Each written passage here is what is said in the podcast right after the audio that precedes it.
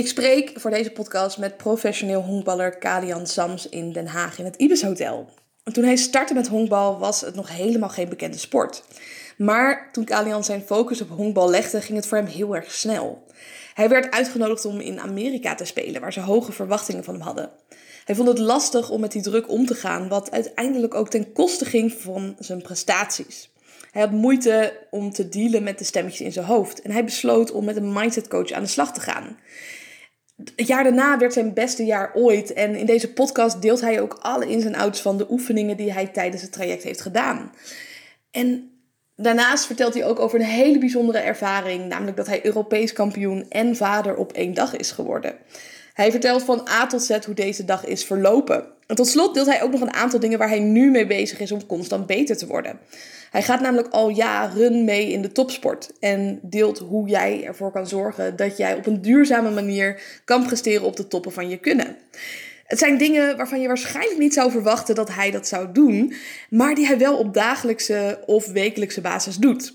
Kortom, wil jij leren van de dingen die Kalian doet en weet? Luister dan snel naar deze podcast. Ik ben uh, Kalian Sams, ik ben 34 jaar. Ik uh, honkbal al vanaf mijn elfde jaar, denk ik. Tiende, elfde jaar. Ik heb daarvoor altijd gevoetbald, ik heb taekwondo gedaan, ik heb gezwommen. En uh, honkbal is toch de sport die bij mij uh, ja, het meest raakte. Verschillende elementen die je nodig hebt om de sport goed te kunnen beoefenen. Mm -hmm. Op mijn negentiende werd ik prof.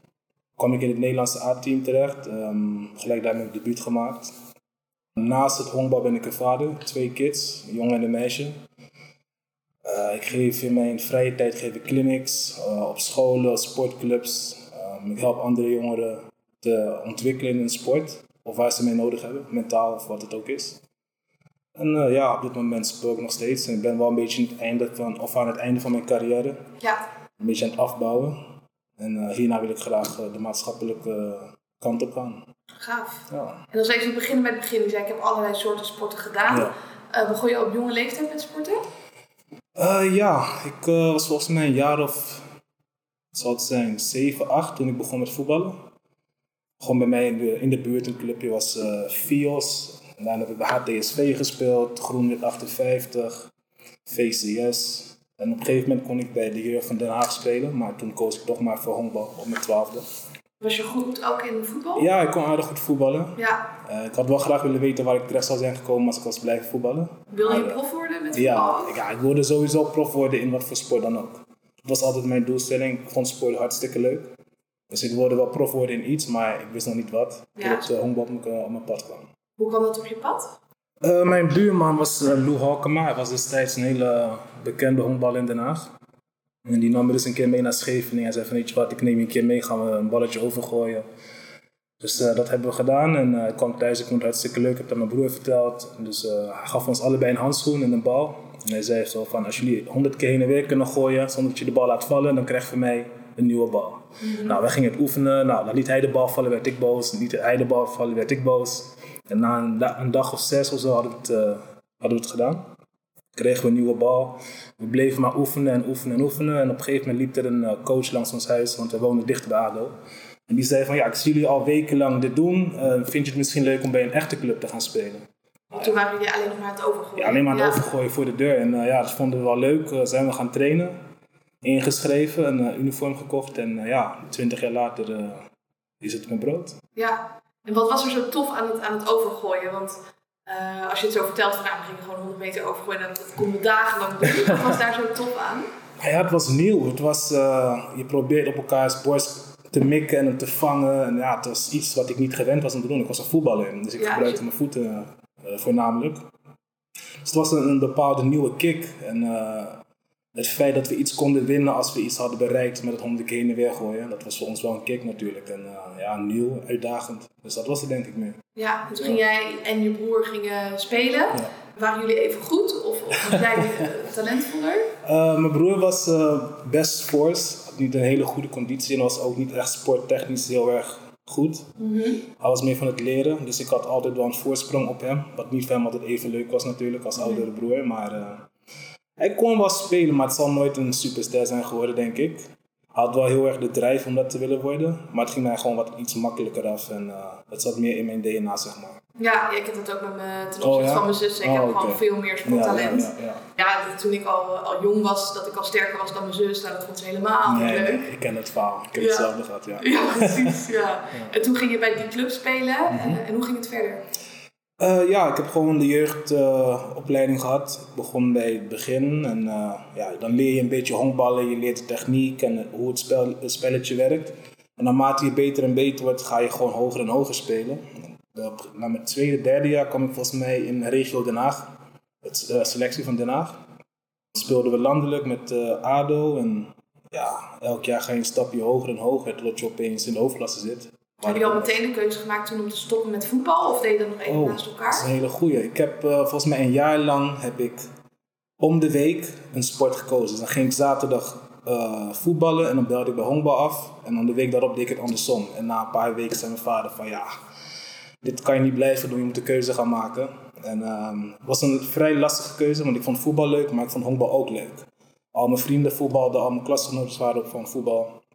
Toen heb ik toch gekozen voor honkbal. En waarom? De kick die ik ervan kreeg om mijn bal ver te slaan. Dat was iets wat ik niet kende. Het was ook nieuw. Dus ik, dat, dat uh, trok me wel aan. En ik dacht, weet je wat, ik wil misschien iets anders doen dan wat mijn andere vrienden doen. Ik was de enige die honkbalde toen de tijd in mijn omgeving. Dus ik denk dat ik daarvoor heb gekozen door die redenen, ja. Wat vonden je vrienden daarvan? Ja, raar. Ja. ik kende het niet, weet je. Dat was zo'n onbekende sport in Nederland, vooral toen de tijd.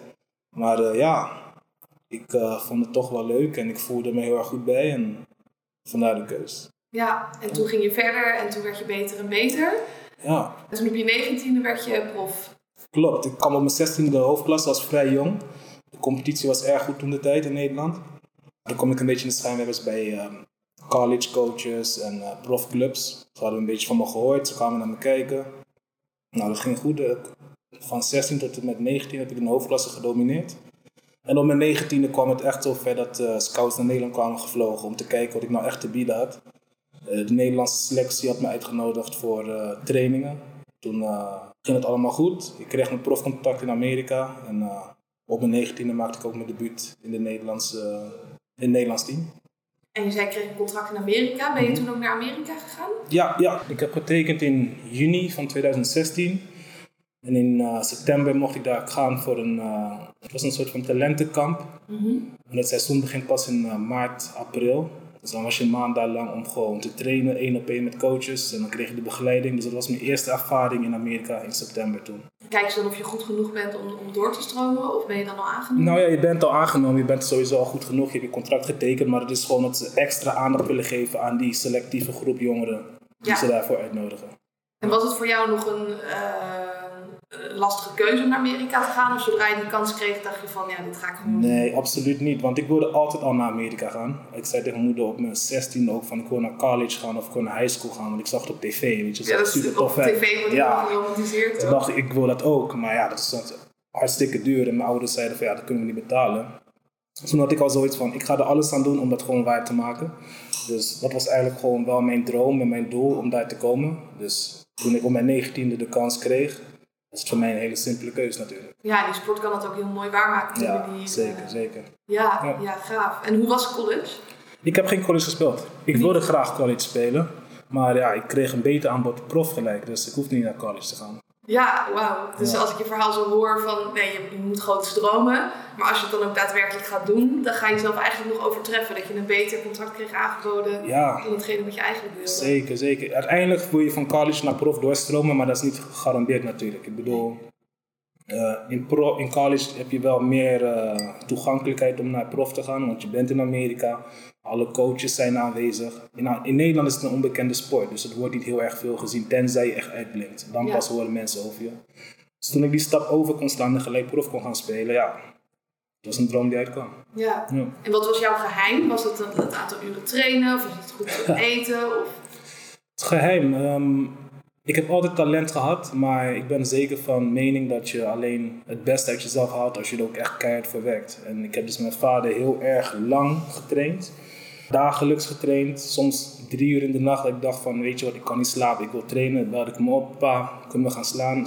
Haalde hij me op, gingen we naar Monster om te trainen. Ik had daar een zaaltje afgehuurd. Of ik had de sleutel van een zaal. Dus ik heb echt gewoon heel veel uren gemaakt om daar te kunnen komen. En uh, dat is niet wat heel veel mensen zien. Ze zien alleen maar hè, Succesverhaal. Precies, maar ze zien niet wat er allemaal achter schuilt en wat je allemaal ervoor hebt moeten geven en op hebt uh, moeten geven. Ja, het is vaak meer niet doen dan wel Juist, precies. Want welke dingen heb je op moeten geven? Nou ja, de, denk aan de verjaardagen, denk aan de feestjes, denk aan het uitgaan, denk aan bioscopen. Uh, uh, hangen met je vrienden, dat doe je als jongere, weet je wel, 16, 17, 18. Dat zijn dingen gewoon voor mij die niet, ja, ik had daar geen tijd voor. Ik had andere doelstellingen en ik had andere goals, dus ik moest dat gewoon opgeven. Hoe is dat nu? Denk je, ik heb iets gemist? Of? Um, heb ik iets gemist? Ja, ik zal waarschijnlijk wat dingen hebben gemist, maar het was het voor mij wel waard om hetgeen te bereiken wat ik uiteindelijk heb bereikt. Ja. Ik weet niet zeker of ik hetzelfde had bereikt als ik het niet had gedaan. Ik denk het niet. Denk Als jij ook op straat ja. had gehangen Precies. en uh, Ja. biertjes had gedronken, Ja, dan denk ik niet dat je had gestaan waar je nu had gestaan. Ja, precies. Dus ik zie het niet zozeer als ik heb iets gemist, maar eh, het was nodig om mijn, mijn dromen te bereiken. Ja, ja precies. En als we even kijken naar jouw succesformule, je zegt hard werken, een stukje talent. Ehm, naast het harde werken gaat het er ook om wat je niet doet. Mhm. Eh, hoe, hoe herstelde jij goed? Hoe nam jij je rust? Ehm, hoe nam ik mijn rust? Ja, ik uh, trainde zoals ik zei heel erg veel met de club en met mijn vader. Ehm, als ik dan thuis kwam. puur honkbal of ook krachttraining? Toen een tijd deed ik, deed ik nog niet zoveel aan krachttraining. Ik deed wel eh, ja, af en toe, maar ik was toen 16, 17. Nou ja, ja op mijn 17e begon ik wel een beetje de gym in te gaan, op mijn 16e nog niet.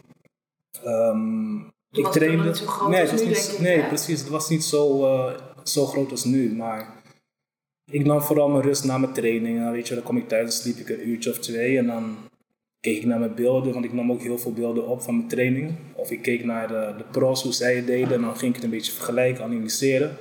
En dan eh, als ik af en toe in de nacht trainde, dan ja, stond ik op, ging trainen en dan de volgende ochtend weer naar school. Dus rust was voor mij niet optimaal. Ik had het beter kunnen doen qua rust, maar ik was zo obsessief met het trainen en beter worden en streven naar mijn goals dat rust eigenlijk een tweede plek kreeg. Wat eigenlijk heel belangrijk is, rust en Ja. Ja, want sliep je dan in de middag? Je zei er geen trainen, ging je Ja, ik sliep vaak wel na school. Als ik van school kwam, sliep ik wel. Want ik viel gewoon in slaap op de bank, omdat ik gewoon zo moe was van het trainen en school en eh, de nacht daarvoor. Ja, logisch. Maar eh, ik bleef maar gaan, joh. Ik had, ik had zo'n drijf om het te bereiken. En ik dacht van, wat mensen ook tegen me zeggen van... Ja, het gaat je toch niet lukken, of wat dan ook. Het gaf me zoveel drijf om het wel te doen en ervoor te gaan. En mensen gewoon hun mond te kunnen snoeren. Het was niet mijn nummer één doelstelling natuurlijk. Maar het is altijd wel lekker als mensen een bepaald beeld bij je hebben. Van ja, je bent lui of je gaat het niet redden. En als je ze dan uiteindelijk kan laten zien van... Ja, wat heb je nu te vertellen? Ja, ja, want er zijn twee scenario's eigenlijk. Of je geeft die mensen Ja. gelijk en je zegt, ja, ik kan het inderdaad Ja, niet. precies. Of je bewijst in het tegendeel. Ehm. Maar wie waren die mensen die niet in jou geloofden? Nou ja, het waren vooral eh, in de jeugd. Waar het, eh, ik moet wel zeggen, toen ik in de jeugd speelde, kwam ik altijd laat en ik kwam lui over. En we hadden altijd de ouders van mijn teamgenoten die dan zeiden van ja, Sams is altijd laat, Sams is lui, Sams is dit, Sams is. Er is altijd wel kritiek op wat ik deed of hoe ik, hoe ik het deed. Terwijl ik helemaal niet lui was. Het kwam misschien zo over, maar het was niet wie ik was als persoon of als Nee, speler. het feit dat jij te laat kwam, kwam dat, dat betekent niet meteen dat je als persoon Juist. helemaal lui bent. Dus die label hebben ze altijd op mij geplakt. En het heeft me altijd achtervolgd. Tot en met ik mijn profcarrière kreeg. Toen waren ze opeens van, oh wat goed van je. En dan heb ik zoiets van, ja, weet je wel. Ja. Hou diezelfde energie die je toen voor me had. Ga nu niet, eens, ga nu eh, niet opeens switchen opeens naar van, oh wat blij voor je en eh, wat leuk. Precies, je had niet het idee gehad dat Nee. ze het je gunden Nee. in die tijd. Nee. En toen ging je naar Amerika en ging je daar een tijd spelen. Was dat anders ten opzichte van Nederland? Heel anders. Eh honkbal hier is ja, amateursport. Het is, eh, het is twee keer per week trainen was het toen. En zaterdag speel je twee wedstrijden achter elkaar. En dan kom je daar naar Amerika, dan speel je elke dag, je traint elke dag, je reist elke dag. next Gym, het is, ja, ik had in het begin heel veel last van blessures en eh, ik was het gewoon niet gewend om zoveel te spelen. Want ik speelde- ging van eens, Ja. twee keer in de week ging je naar elke dag. Elke dag. Ik speelde maximaal hier 42 wedstrijden in een seizoen. Naar 142 wedstrijden in één seizoen. Zonder oefenwedstrijden erbij. Dus dan ja, is het lichamelijk gewoon heel erg zwaar. Ja, Dus mijn eerste jaar had ik veel blessures. Ik had veel last van oververmoeidheid. Maar dat is iets wat wel went met eh, een tijdje. Ja ben, je daar, ben je aan de oververmoeidheid? Nee, aan eh, elke dag spelen. Ja, Daar wend ik op een gegeven moment aan. Je leert je lichaam kennen, je weet wat voor rust je moet nemen. Nu moest ik wel echt rust nemen, Ja, dus de rest het gewoon niet. Dus eh, op die manier, het tweede jaar ging een stuk beter. Ik wist wat ik kon verwachten. Omdat ik het eerste jaar had meegemaakt. Maar uh, ja, het is gewoon heel anders. Het is hoger niveau natuurlijk. Je moet begrijpen dat als jij als prof zijnde ergens komt, is iedereen goed waar zij vandaan komen. Ja, in Nederland was jij de beste. Precies, en dan ben je opeens met z'n allen daar een van de beste, weet je wel. Dus uh, je had bijna geen slechte spelers. Iedereen was goed. Wat deed dat met jou? Ik ben altijd wel vrij zeker geweest van mezelf, vooral in Nederland, dat ik hier speel als een van de betere spelers. En dan kom je daar en dan ben je een van de betere spelers. Dus dan kijk je toch om je heen en uh, ja, die heeft voor zoveel miljoen getekend, die heeft voor zoveel miljoen getekend. En dan ga je vergelijken natuurlijk. En als je dan een tijd niet goed speelt, ga je toch wel een beetje twijfelen aan jezelf. Had ik in, had ik in ieder geval. Als ik dan niet goed speelde en ze hadden me op zo'n hoge paddenstoel gezet toen ik daar kwam. Ik dacht van ja, ben ik nog wel zo goed als zij denkt dat ik ben, weet je. Want ik was niet gewend om te falen. Ik kende het, het woord falen niet. Ik heb nooit echt gefaald. Bijna een luxe probleem dat je dan Ja, hebt. en dan kom ik daar opeens, dan ging het goed en opeens begon ik te falen. En dat was wel echt voor mij een keerzijde in mijn carrière. Ik dacht van oké, ik moet nu even scherp zijn, want er gaat heel veel in mijn hoofd om en er gaat heel veel fout. En ik wist niet hoe ik ermee moest omgaan. Wat ging er dan fout? Uh, het mentale gedeelte. Um, ik presteerde op een gegeven moment niet goed. En ik voelde een bepaalde druk van de coaches, want toen ik daar kwam in september voor de eerste keer, hadden ze mij op zo'n hoge paddenstoel gezet van hij is de next, hè, de volgende major leaguer. En uh, Sams uit Nederland, allerlei artikelen, links en rechts kreeg ik zo'n oor te zien. En uh, dan gaat het op, opeens fout. Ja, dan is die drukte. En dan denk je, oh, wat nu? Ik wist niet hoe ik ermee moest omgaan en ik begon te twijfelen aan mezelf. Ik ging nog meer bergafwaarts en mijn vader was ik heel close mee, maar die begon me ook al die artikelen te sturen van de mensen. Oh, van, shit. is Sams wel zo goed als hij hè. Oh, dat hielp helemaal niet. Nee. Maar goed, uh, ja, toen kwam ik echt de eerste keer in mijn carrière in een, uh, ja, in een diepe grot eigenlijk, wat ik niet kende. Om daar uit te komen heeft het me heel veel, uh, heel veel tijd gekost. Ik heb heel veel gesprekken met mijn vader en moeder gevoerd toen de tijd. Want het was voor mij nieuw, ik kende het niet. Ik wist ook niet wat ik ermee aan moest, weet je wel. Je moest echt leren falen. Ik moest echt leren falen en er vooral mee om leren gaan. Een honkbal is sowieso een sport van falen. Als jij in honkbal 30% succesvol bent, ben je een superster. Er is geen ander beroep in de wereld waar je 30% succesvol bent en een superster bent. Ja. Bestaat niet. Het is al een spel van falen en als je ook nog eens op zo'n niveau faalt waar mensen zoveel hoge verwachtingen van je hebben, is het toch voor zo'n jonge speler zoals ik toen was best lastig. Ja, ik kan me voorstellen, je zei van ik heb toen Ja. veel gebeld met mijn ouders. Wat hielp je nog meer om uit dat mentale dal te komen? Voordat we verder gaan met de podcast, wil ik je even iets heel tofs vertellen. Namelijk dat ik bezig ben met het schrijven van mijn boek over topsportmentaliteit.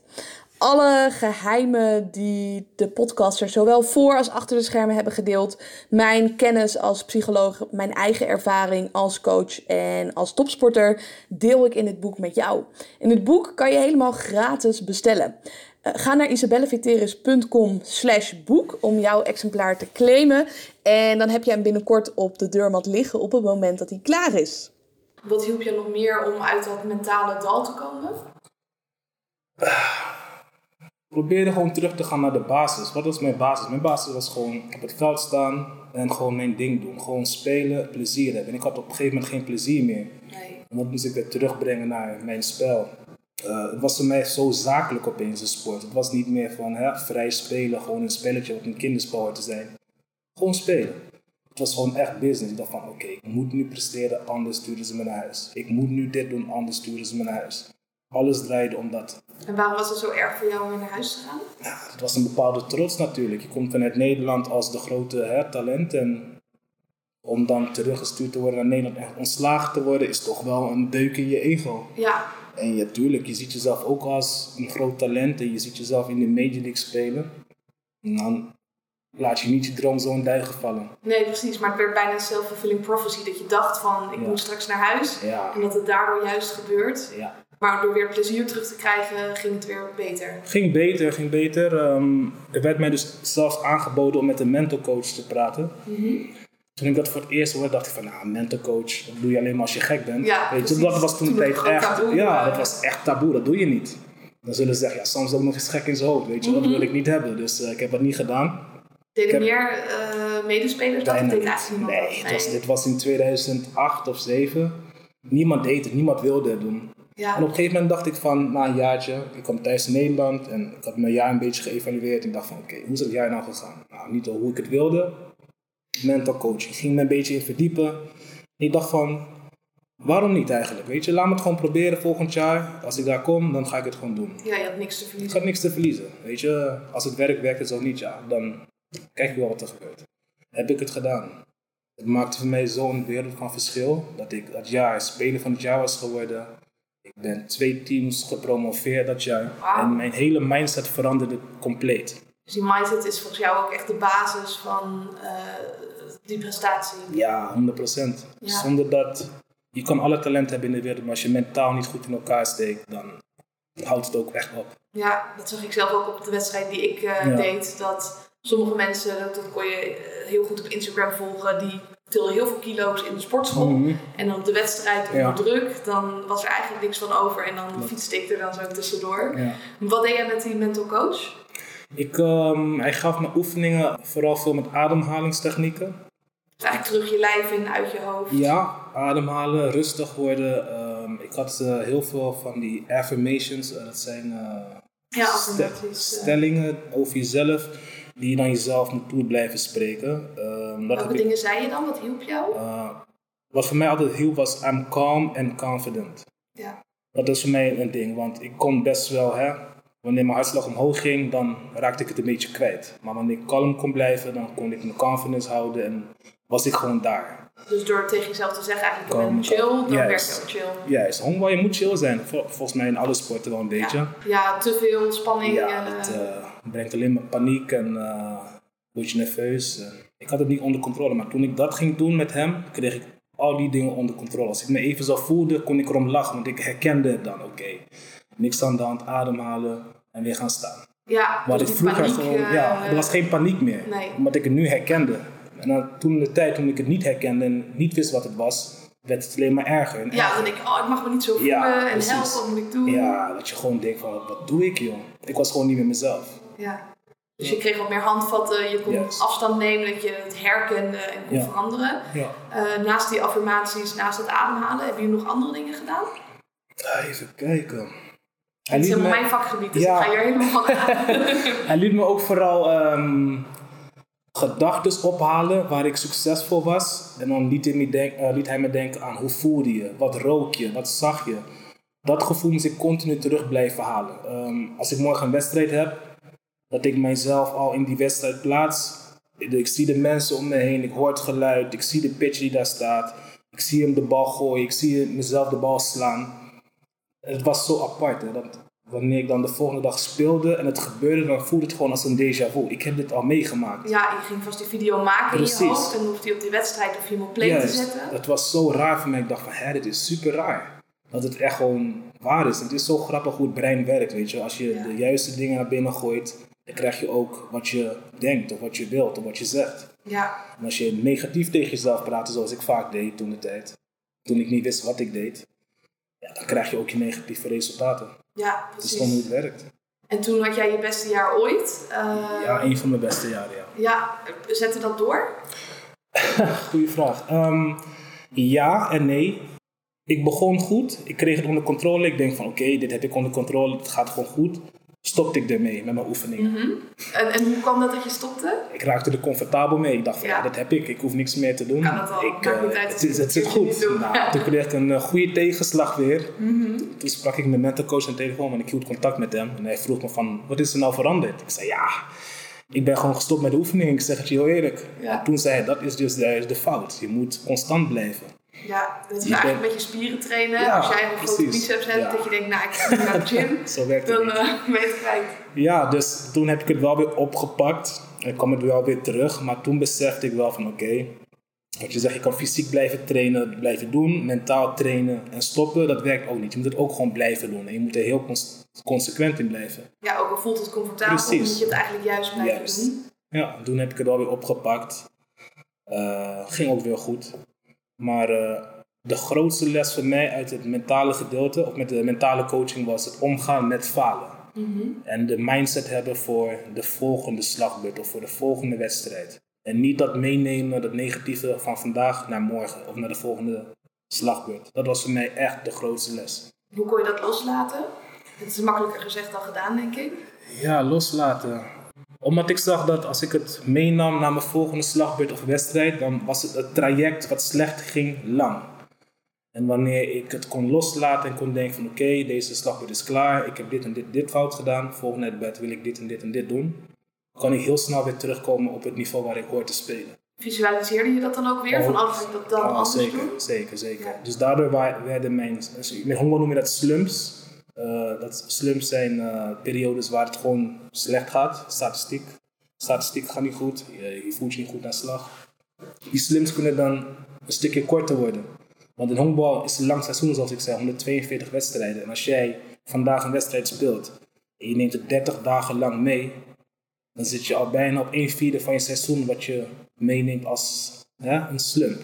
Ja. Dus hoe sneller je die slumps kort kan houden, des te beter een seizoen je kan hebben met goede Ja. cijfers. ja, dus wat je eigenlijk zegt is kijk naar je fouten, leer ervan. Mhm. Juist. Maar dat stukje emotie van oh, bang om het nog een keer te doen, dat moet je zo snel mogelijk eigenlijk kwijt zien te raken. Klopt, klopt. Die emoties doen echt heel veel met je. Ja, Dat deden heel veel met mij in ieder geval, mijn emoties. ja, want zou het voor de sport functioneel zijn als je die bij wijze van spreken op pauze zou kunnen zetten? Of, of is bepaalde spanning ook wel nodig?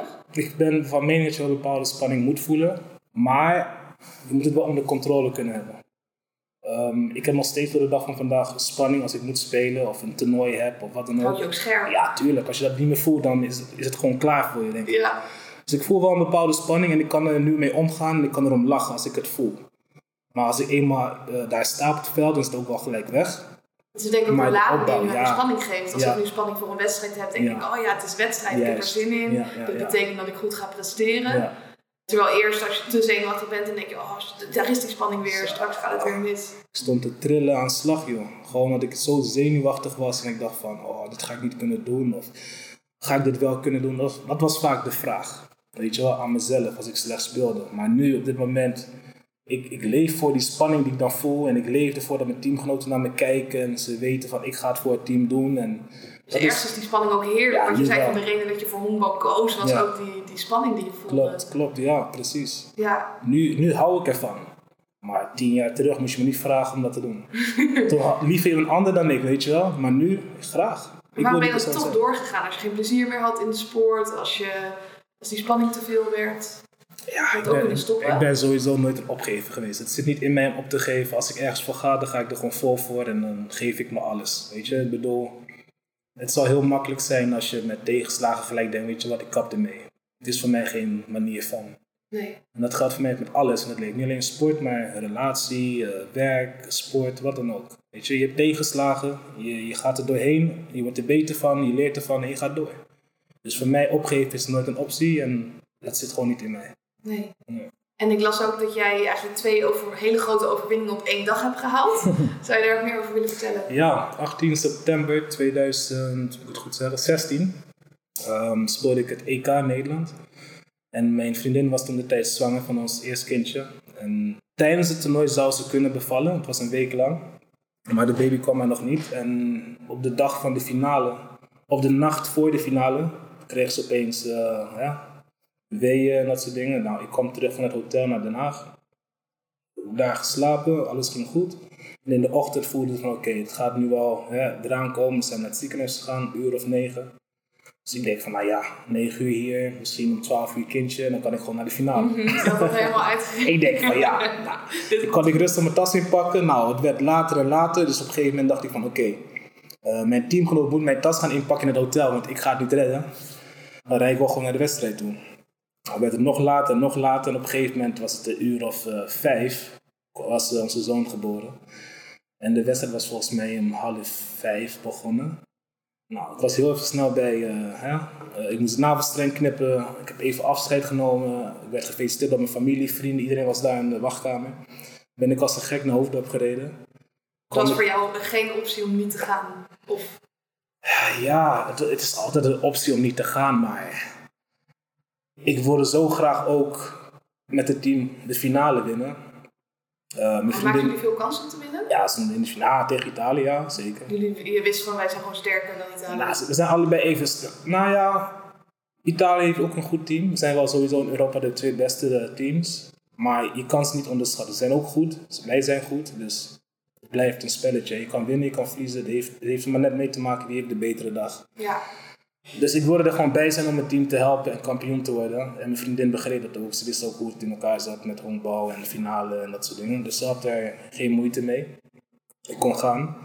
Toen kwam ik uh, volgens mij in de vierde inning aan van de wedstrijd. En uh, in de zesde inning kwam ik erin. Toen kreeg ik een staande ovatie van het publiek. Uh, dat is echt een gevoel wat ik nooit meer zal vergeten. Weet je. het ook omgeroepen? Ja, ja zeker. Ja. Het werd ook gefilmd. De NOS heeft het uitgezonden toen ik aankwam, gereden op de parkeerplaats. En het veld in kwam. Het was echt, echt een mooie ervaring die ik die dag heb meegemaakt. Ja. ja. Ik heb wel gewoon als ik erover nadenk weer. Ja. ja. Speelde je daardoor beter, denk je?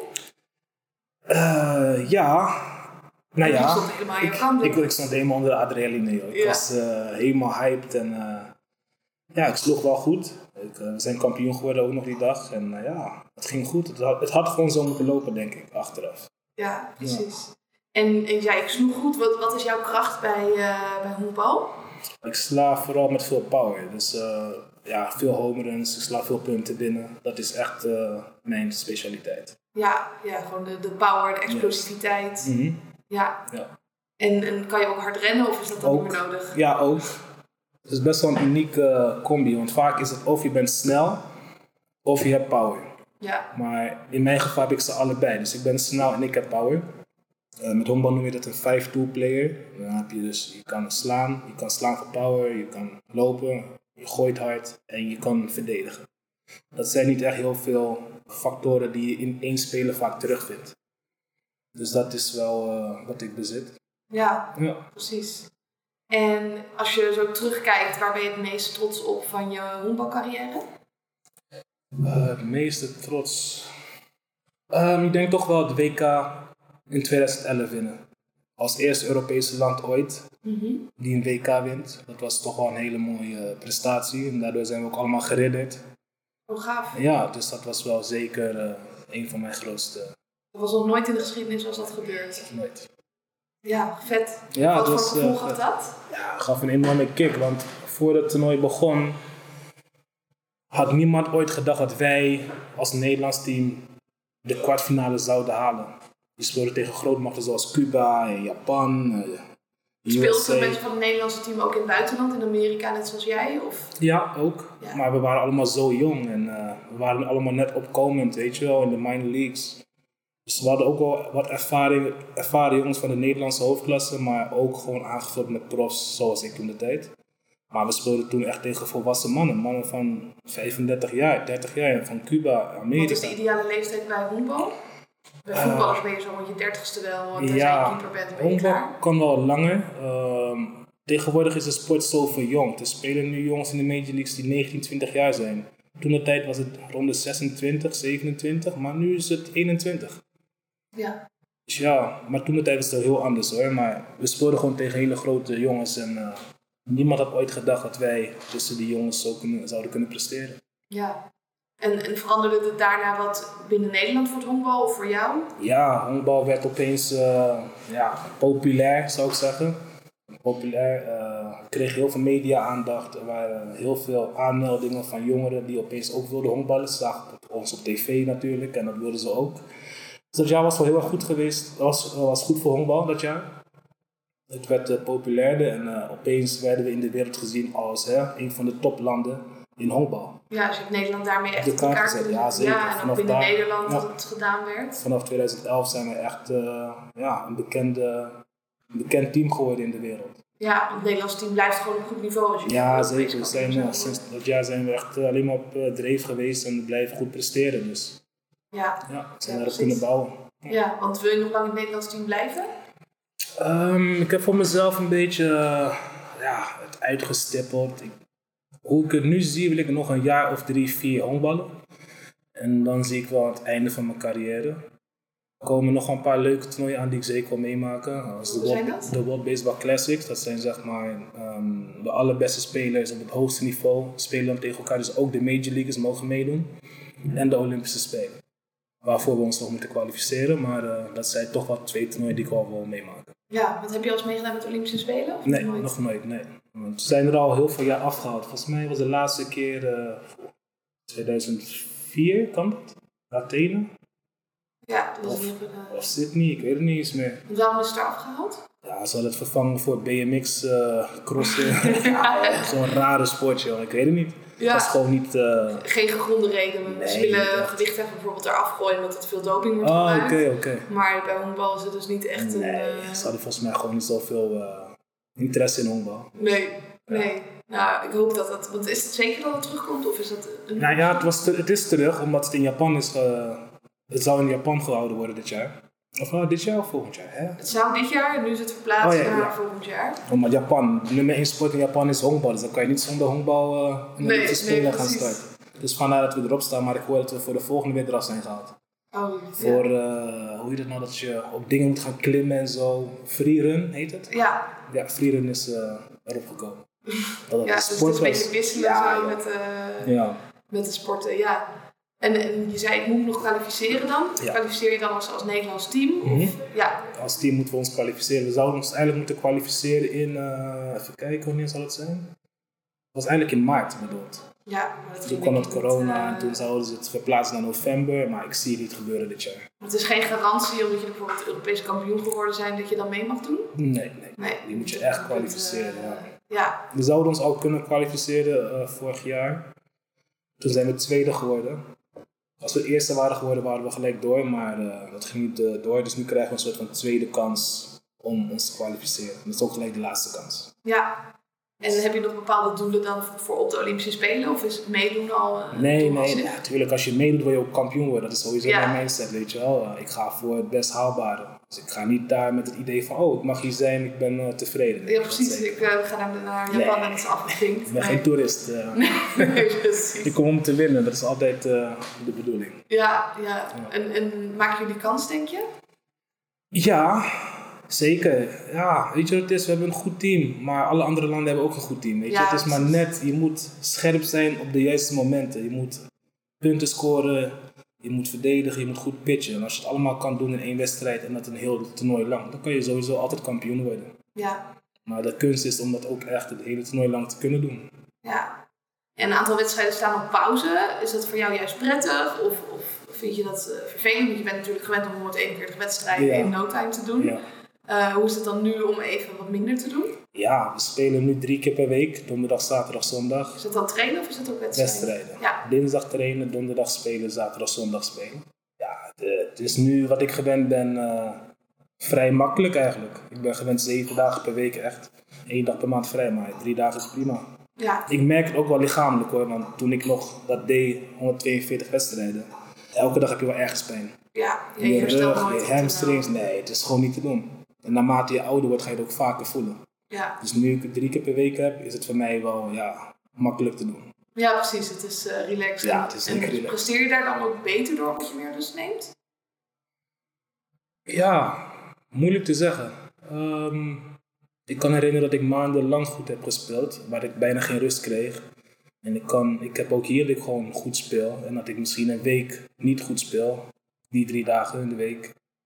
Het hangt er een beetje vanaf hoe ik me voel. Mentaal vooral. Ja, dus mentaal meer invloed eigenlijk ja, dan... lichamelijk kan ik het wel aan. Maar als het ook mentaal erbij gaat spelen, dan kan je vaak wel eh, minder of beter gaan spelen. Maar nu ik zo drie keer per week speel, prima. Prima te doen. Precies. Je, doe je nu nog andere dingen daarnaast? Of uh, is het echt full focus erop? Uh, in de zin van andere sporten? Nog andere focus uh, als in dingen die daarnaast doen. In Amerika deed je nog school, dat je dan op de bank sliep? Oh. Um, of is het echt gewoon... Nee, ik bedoel, ik speel nu wel gewoon. Daarnaast heb ik ook wel privéles aan jongere kids. op scholen geef ik af en toe clinics om de sport een beetje omhoog te brengen. Dan doe ik het via de bond. En ja, daarnaast vader zijn. Ja, ja. want hoeveel kinderen heb je nu? Twee. Ja. Dus ja, dan blijft ook meer tijd om, uh, om met hen door te brengen, of niet? Ja, zeker. Uh, ze gaan nu wel naar school, naar de crash. Dus als ze dan naar school zijn, heb ik tijd om of op een school iets te doen of een training te verzorgen ergens. En in de avonduren train ik of met het Nederlands team of met Pirates en in de weekend speel ik. Ja, blijf je nu ook gewoon in Nederland? Ja, ik blijf wel in Nederland spelen, ja. ja. Ik heb er wel bewust voor gekozen. Ik kom wel weer terug dit jaar, maar ik uh, vind er zijn als vader voor mijn kinderen op deze leeftijd veel belangrijker nu dan weer een avontuurtje naar Amerika. Ik heb het al 14 jaar gedaan, weet je. Ja. Uh, ja, 2006, 14 jaar. Ja. Het is nu even tijd voor een andere fase in mijn leven en eh, tijd voor mijn kids. Ja, ja, Ja. precies. Hoe oud zijn ze nu? Uh, mijn zoon is vier, mijn dochter is twee. Ja, ja dat is fantastisch denk ik. Ja, zeker, zeker. Ja. En als we even naar de toekomst kijken, naast de Olympische Spelen, Mhm. welke doelen staan er nog meer voor jou? Uh, mijn doel is vooral, uh, ik wil graag de volgende generatie heel erg helpen uh, in hun ontwikkeling, vooral het mentale gedeelte. Dat is voor mij een, grote goal. Um, niet zozeer meer voor mezelf met presteren van, want ik heb voor mezelf wel veel dingen kunnen presteren en veel dingen kunnen zien en kunnen doen. Ik, mij, waar ik mijn voldoening uit haal nu is anderen helpen. Anderen die het traject ingaan wat ik 14 jaar geleden heb gehad. Hoe kan ik hun het beste stimuleren, helpen, begeleiden, zodat zij niet de fouten maken die ik heb gemaakt. Ja. En dat zij sneller kunnen groeien dan wat ik heb kunnen doen. Want is het nu al wat uh, normaler om aan je mindset te werken? Ja, het is nu gewoon, uh, het is bijna verplicht lijkt wel nu. Ja? Ja, heel veel teams werken met zo'n mental coach die gewoon met het team meereist en zo. Het is gewoon een normaal iets geworden. Wat vroeger niet normaal was. Maar uh, ja, Dat is ik ook veel. Als je bijvoorbeeld kijkt in de boekhandel, gaan er heel veel boeken over Ja, mindset. Uh, het, het, is booming, gelukkig. Ja, zeker, zeker. Ja. Mensen komen erachter dat het gewoon heel veel effect heeft op ze, weet je. Het, het, er gebeurt heel veel met je en het kan heel veel uh, goede dingen brengen. Ja. Het lezen van die boeken, uh, met een mental coach werken, verbetert je prestaties en dat is wat iedereen wil, lijkt mij toch? Ja, als zeker. sporter bent, ja. Zeker, niet alleen sporter, denk ik ook ja. als je geen sporter bent. Juist. En als mensen naar deze podcast luisteren en denken van, nou, ik, ik wil ook mijn prestaties verbeteren. Welke tips heb jij? Durf uit je comfortzone te gaan. Durf dingen te doen die je niet zo snel zou doen. En dat bedoel ik mee bijvoorbeeld een mental coach uh, vragen om je te helpen. Of gesprekken voeren met mensen. En je kwetsbaar opstellen om dit soort dingen uit te spreken. Want ik denk dat heel veel mensen um, mentale issues hebben. Maar ze niet durven uit te spreken omdat ze bang zijn voor de reactie van anderen. Dus dat is het voor mij. Uit je comfortzone komen als je ergens hulp bij nodig hebt, durf er naar te vragen. Um, lees een boek, want uit boeken kan je ook heel veel informatie halen. Wat zijn jouw boeken die je aanraadt om te lezen? Um, voor mij specifiek had ik een boek heet Mind Gym. Ja, van... Uh... Heb je die gelezen? Ja, die heb ik ook gelezen. Oh, Oké, okay. dat vond ik uh, een hele bijzondere. Ik heb er heel veel dingen in gelezen waar ik dacht van zo, dit is gewoon, dit, dit ben ik. Of dit heb ik ook ervaren, of dit voel ik ook, weet je wel. En als je dat soort dingen leest en je leest het verhaal erachter en hoe die mensen daar uh, je trucs en tips geven, hè, wat je met die gedachten kan doen. Dat kan ook heel veel veranderen voor je. Ja, dus een stukje boeken lezen, ja. praten met mensen, ja. nou, podcasten luisteren. Ja, dat zeker. Dat zijn ja. ze niet. Ja. Uh, en hoe kom je dan in, in actie? Dus je zegt een stukje uit de comfortzone komen, maar dan kan je een boek lezen, praten met een coach. Mhm. Dan moet je vervolgens nog wel gaan doen. Ja. Uh, wat helpt jou om het ook daadwerkelijk te doen? Want je gaf ook aan van soms lukte dat niet, dan werd ik te comfortabel, comfortabel met de oefeningen. Uh, hoe, hoe kan je toch dingen doen, ook al denk je van, nou, ik heb er geen zin in? hoe kan je dingen doen, ook heb je er geen zin in? Um, ja, dat vind ik een lastige, want ik heb zoiets van, als jij echt iets wil bereiken, dan zou je dat moeten willen opgeven, of dan zou je het, willen, dan zou je het moeten doen om dat te bereiken. Dus als ik er geen zin in heb, doe ik het niet. Dan is het blijkbaar niet zo belangrijk voor je. Nee, me. question je eigenlijk je, je goal. Van, Ja. Is het dan echt zo belangrijk voor mij als ik er elke keer geen zin in heb? Ja, precies. Dan heb je niet echt de drijf en de energie om daar echt voor te gaan en het uiterste eruit te halen wat er voor jou in zit. Ja. Ja, dat Dus- herken ik heel erg met sportschool. Ik vind naar sportschool Ja. fantastisch. En Ja, een heleboel ja. mensen die haten het. Klopt. En dan zeg ik ook altijd van ja, zoek een andere sport. Want je kan elke keer met heel veel weerstand het gaan doen. Maar Dat gaat niet werken. Op een gegeven moment, gaat het je gewoon breken en weet je wat, ik ben er klaar mee. ja, de meest sponsor in plaats van sporter. precies, precies. En dat is echt zonde, toch? Ja. Ja. En blijf jij altijd sporten, denk je? Ja, ik zal eh, altijd wel eh, iets met sport blijven doen. Ik hou ervan om sportief te zijn en me goed te voelen, fit te voelen. Ik zal niet een persoon zijn die na mijn carrière opeens 40 kilo aankomt. Nee, weet je wel. Nee, nee, nee, dat gaat niet gebeuren. Ik zal Nee. altijd wel eh, bezig blijven. Omdat het gewoon in me zit. Het is een lifestyle. Het is niet eh, iets wat je even doet af en toe. Het is gewoon de manier van hoe je leeft en wat je belangrijk vindt. En eh, ja, om je goed te voelen moet ik dat doen. Dus Ja, dat is ook onderdeel van je mindset. Juist Zeker. om te bewegen. Ja. zeker, zeker weten. Ja. En je kids, zijn die ook aan het honkballen? Oh. ja, mijn zoon eh, doet echt alles. Hij begon heel erg met voetbal en nu is hij extreem veel bezig met honkbal. Hij wil elke dag trainen, soms ben ik te moe. En dan voel ik me schuldig en dan doe ik het toch maar, weet je wel. Hij slaat het hele huis kapot nu, joh. Dat wordt degene die jou Ja. donderdag gaat wakker bellen Ja. de spelen. Nee, ik zal er voor hem zijn. Ik vind het hartstikke leuk, weet je. En hij ziet mij sporten, hij wil zelf sporten. Ja, hartstikke leuk om het te zien. Dat, eh, als je zo'n, hè, dat hij dat ook graag wil doen. Dus eh, moeder ook sportief? Eh, ja, moeder, ook een sportief, sportieve chick, vrouw. Heeft altijd paardrijden gedaan. Super veel, ja. Haar motoriek is super goed. Ik vind het hartstikke zonde dat zij geen sport heeft gedaan, zoals voetbal of basketbal of Ja, zit volleybal. wel potentie. Ja, ze heeft heel veel potentie.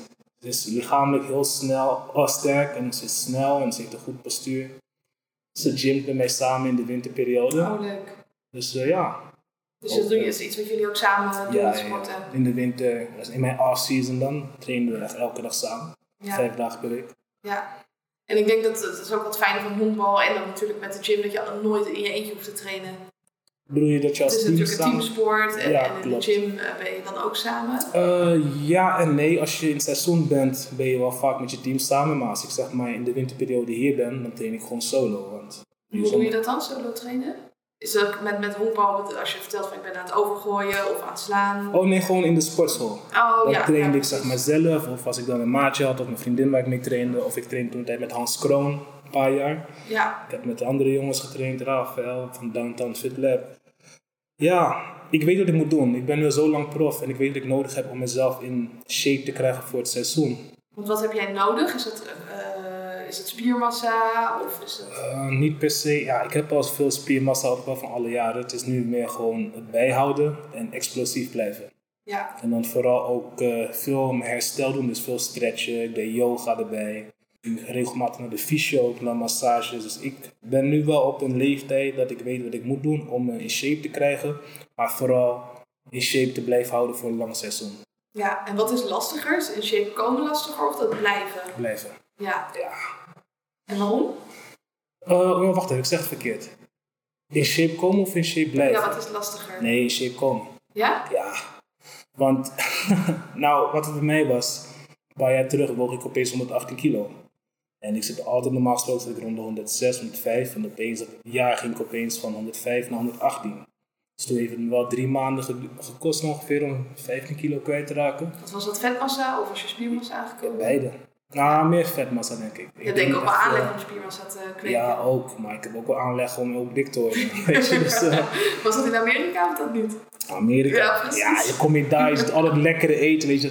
De porties zijn dan ook Ja, dat is niet normaal. Dit is gewoon medium, zeg maar. Dit. Ja, ja. Ik altijd maar gewoon twee keer per dag. Want Ja, dan zat ja. ik in ieder geval goed in plaats van drie of vier keer per dag. Ja, dus eh, ja, dat was even een switch maken voor mezelf, weet je. Maar dan kan ik vrij makkelijk. Als ik eenmaal denk van oké, het is nu klaar, dan is het ook echt klaar. Ja, ja precies. train ik gewoon keihard, ik eet goed, ik rust goed, ik drink alleen maar water. En dan gaat het ook heel snel. Maar Ja. als ik daar eenmaal daar ben, is het wel vrij makkelijk voor mij om daar te blijven. Zolang, zolang ik maar mijn water blijf drinken en niet vet eet. Dat is wel echt een goede gewoonte. Ja, ja, ja. Ja, en je noemde ook even yoga en stretchen. Ja. En net zoals met mental coaching is yoga, heeft ook een Mm. bepaald stempel. Ja. Eh, hoe ben je met, met yoga in aanraking gekomen? Eh, yoga. Ik eh, had een teamgenoot in Canada die eh, in de off-season ook yoga deed. En ik vroeg hem een keer naar, want ik zag hem op het veld doen met zo'n matje en zo'n hoofdbandje op, zo'n shirt. Ik denk, wat is er nou voor rare gedoe? En zij vertelde me erover. Hij had altijd heel veel last van zijn hamstrings en zijn onderrug. En hij zei, door yoga heb ik zoveel oefeningen gedaan en stretch dat ik mijn lichaam gewoon heel goed voelde, het hele jaar lang. Dat klonk voor mij als goud in mijn oren, weet je. Toen dacht ik van, Ja. ja, ik heb ook elke dag pijn en ik heb dit en ik heb dat. Dus ik kwam in Nederland toen en ehm, ging kijken bij zo'n yogaclub uh, Balans hier in de stad. Toen ben ik een keer gegaan voor een proeflesje. Ik was verkocht. Ik heb me toen gelijk ingeschreven en ik eh, heb een paar verschillende yoga's gedaan. Hoe reageerden ze toen, toen jij daar kwam als, als grote kerel? eh Ja. Uh, zet ik voornamelijk dames. ja, ja, het, ja, je werd toch veel aangekeken natuurlijk. En ja, dat was leuk. Uh, ze zien het niet zo vaak, zo'n grote man in zo'n yogazaal, weet je. Ja, precies. Dat vonden ze leuk. Ik vond het ook leuk. Uh, het was een leuke sfeer. Ik werd goed ontvangen. En op een gegeven moment, ja, was het gewoon twee, weken, twee keer per week ging ik daar naartoe. En uh, het gaf me zo'n een, goed gevoel. En mijn lichaam voelde zich uitgerust, goed. Ik voelde me lenig. Ik had nergens pijn. Ja, en dat deed je dan bovenop de training die je al deed. Ja. Ja. Gewoon daarnaast. Ja, en dan ook de, de, massages. Ik weet dat een heleboel mensen, dit, dit is een soort van luxe product. Ja. Maar in de topsport is dat eigenlijk een, een non-negotiable. Gewoon iets wat je gewoon moet doen. Ja, Wat zijn de voordelen daarvan? Ja, eh, ik had vooral veel last van eh, hamstrings en zoveel knopen en zo. En eh, met het losmaken blijf je spieren gewoon elastisch en je voorkomt je blessures. Vooral als je een explosieve sporter bent, kan je heel snel geblesseerd raken. Dus ik heb het echt nodig om dat soort massages te krijgen, stretchen erbij te doen. En het eh, heeft alleen maar voor mij in zijn voordeel gewerkt om op langere periodes niet geblesseerd te raken. Want ik raakte vroeger heel snel geblesseerd. Ja, op korte termijn minder pijn eh, Ja. te hebben. Ja, dus nu heb ik al jaren, of ja, jaren geen blessu- echte blessures meegemaakt. En ik denk dat het zeker komt door de yoga, de massages, de fysio's en bewuster trainen en bewuster rust nemen tijdens overname training. Ja, dus het is niet alleen maar het honkballen, de sport. Nee. Maar eigenlijk dat je nog meer tijd eh, bezig bent met alle andere dingen eromheen. ja. ja. Het was vroeger niet zo. Vroeger honkbalde ik gewoon. Ik, ik, slo- ik was alleen maar aan het slaan, slaan, slaan. Maar ik dacht niet aan een fysio of naar een yoga. Of, Nee. ik had ook niet de kennis toen de tijd. Ik was jong en ik wilde gewoon prof worden. Ja, en gaandeweg ben je eigenlijk al die extra dingen gaan toevoegen. Juist. En ik denk, als ik je verhaal hoor, wat ook heel goed gewerkt heeft, Mhm. dat het elke keer één ding was. Dat het niet in één keer was van, oh, we gaan en een mental coach doen, en Ja, ja, yoga, En, en fysio, en stretchen. Maar gewoon elke keer wat nieuws en dat het een gewoonte bleef en dat je dat daardoor bent blijven doen. Ja, stap bij stap leren en groeien. En dat neem je gewoon mee. En dat is daarom de reden dat ik nu de jonge generatie hetzelfde zie doen wat ik deed. Alleen maar denken aan honkbal. Terwijl er zoveel extra dingen bij komen kijken die je ook moet gaan trainen of ook moet gaan doen om Ja. daar te kunnen komen.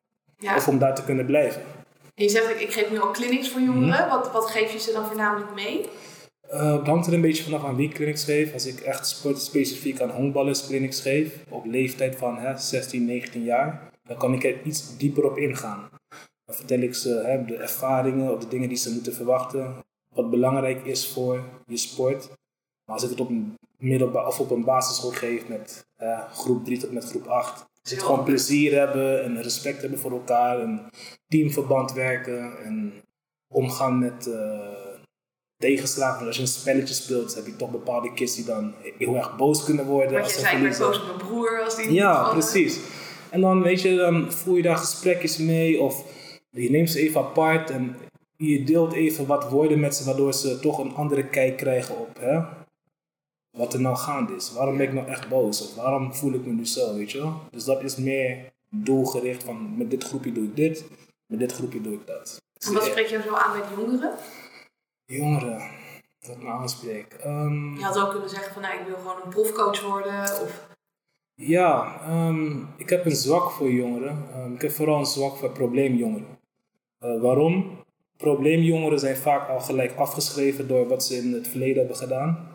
En er zit altijd best wel veel talent in dat soort kids. Alleen niemand die ze echt begeleidt of niemand die de moeite wil nemen om ze dat extra duwtje te geven in de rug om hun leven om te gooien of eh, een andere kijk te krijgen op het leven en er iets mee te gaan doen. ja, terwijl er waarschijnlijk wel heel veel kracht zit in ze, juist door de Precies. tegenslagen. Maar ze hebben gewoon wat meer begeleiding nodig. Iemand die ze stuurt, een duwtje in de rug blijft geven. Niet denkt van nou, na één, twee keer weet je wat, ik geef het op.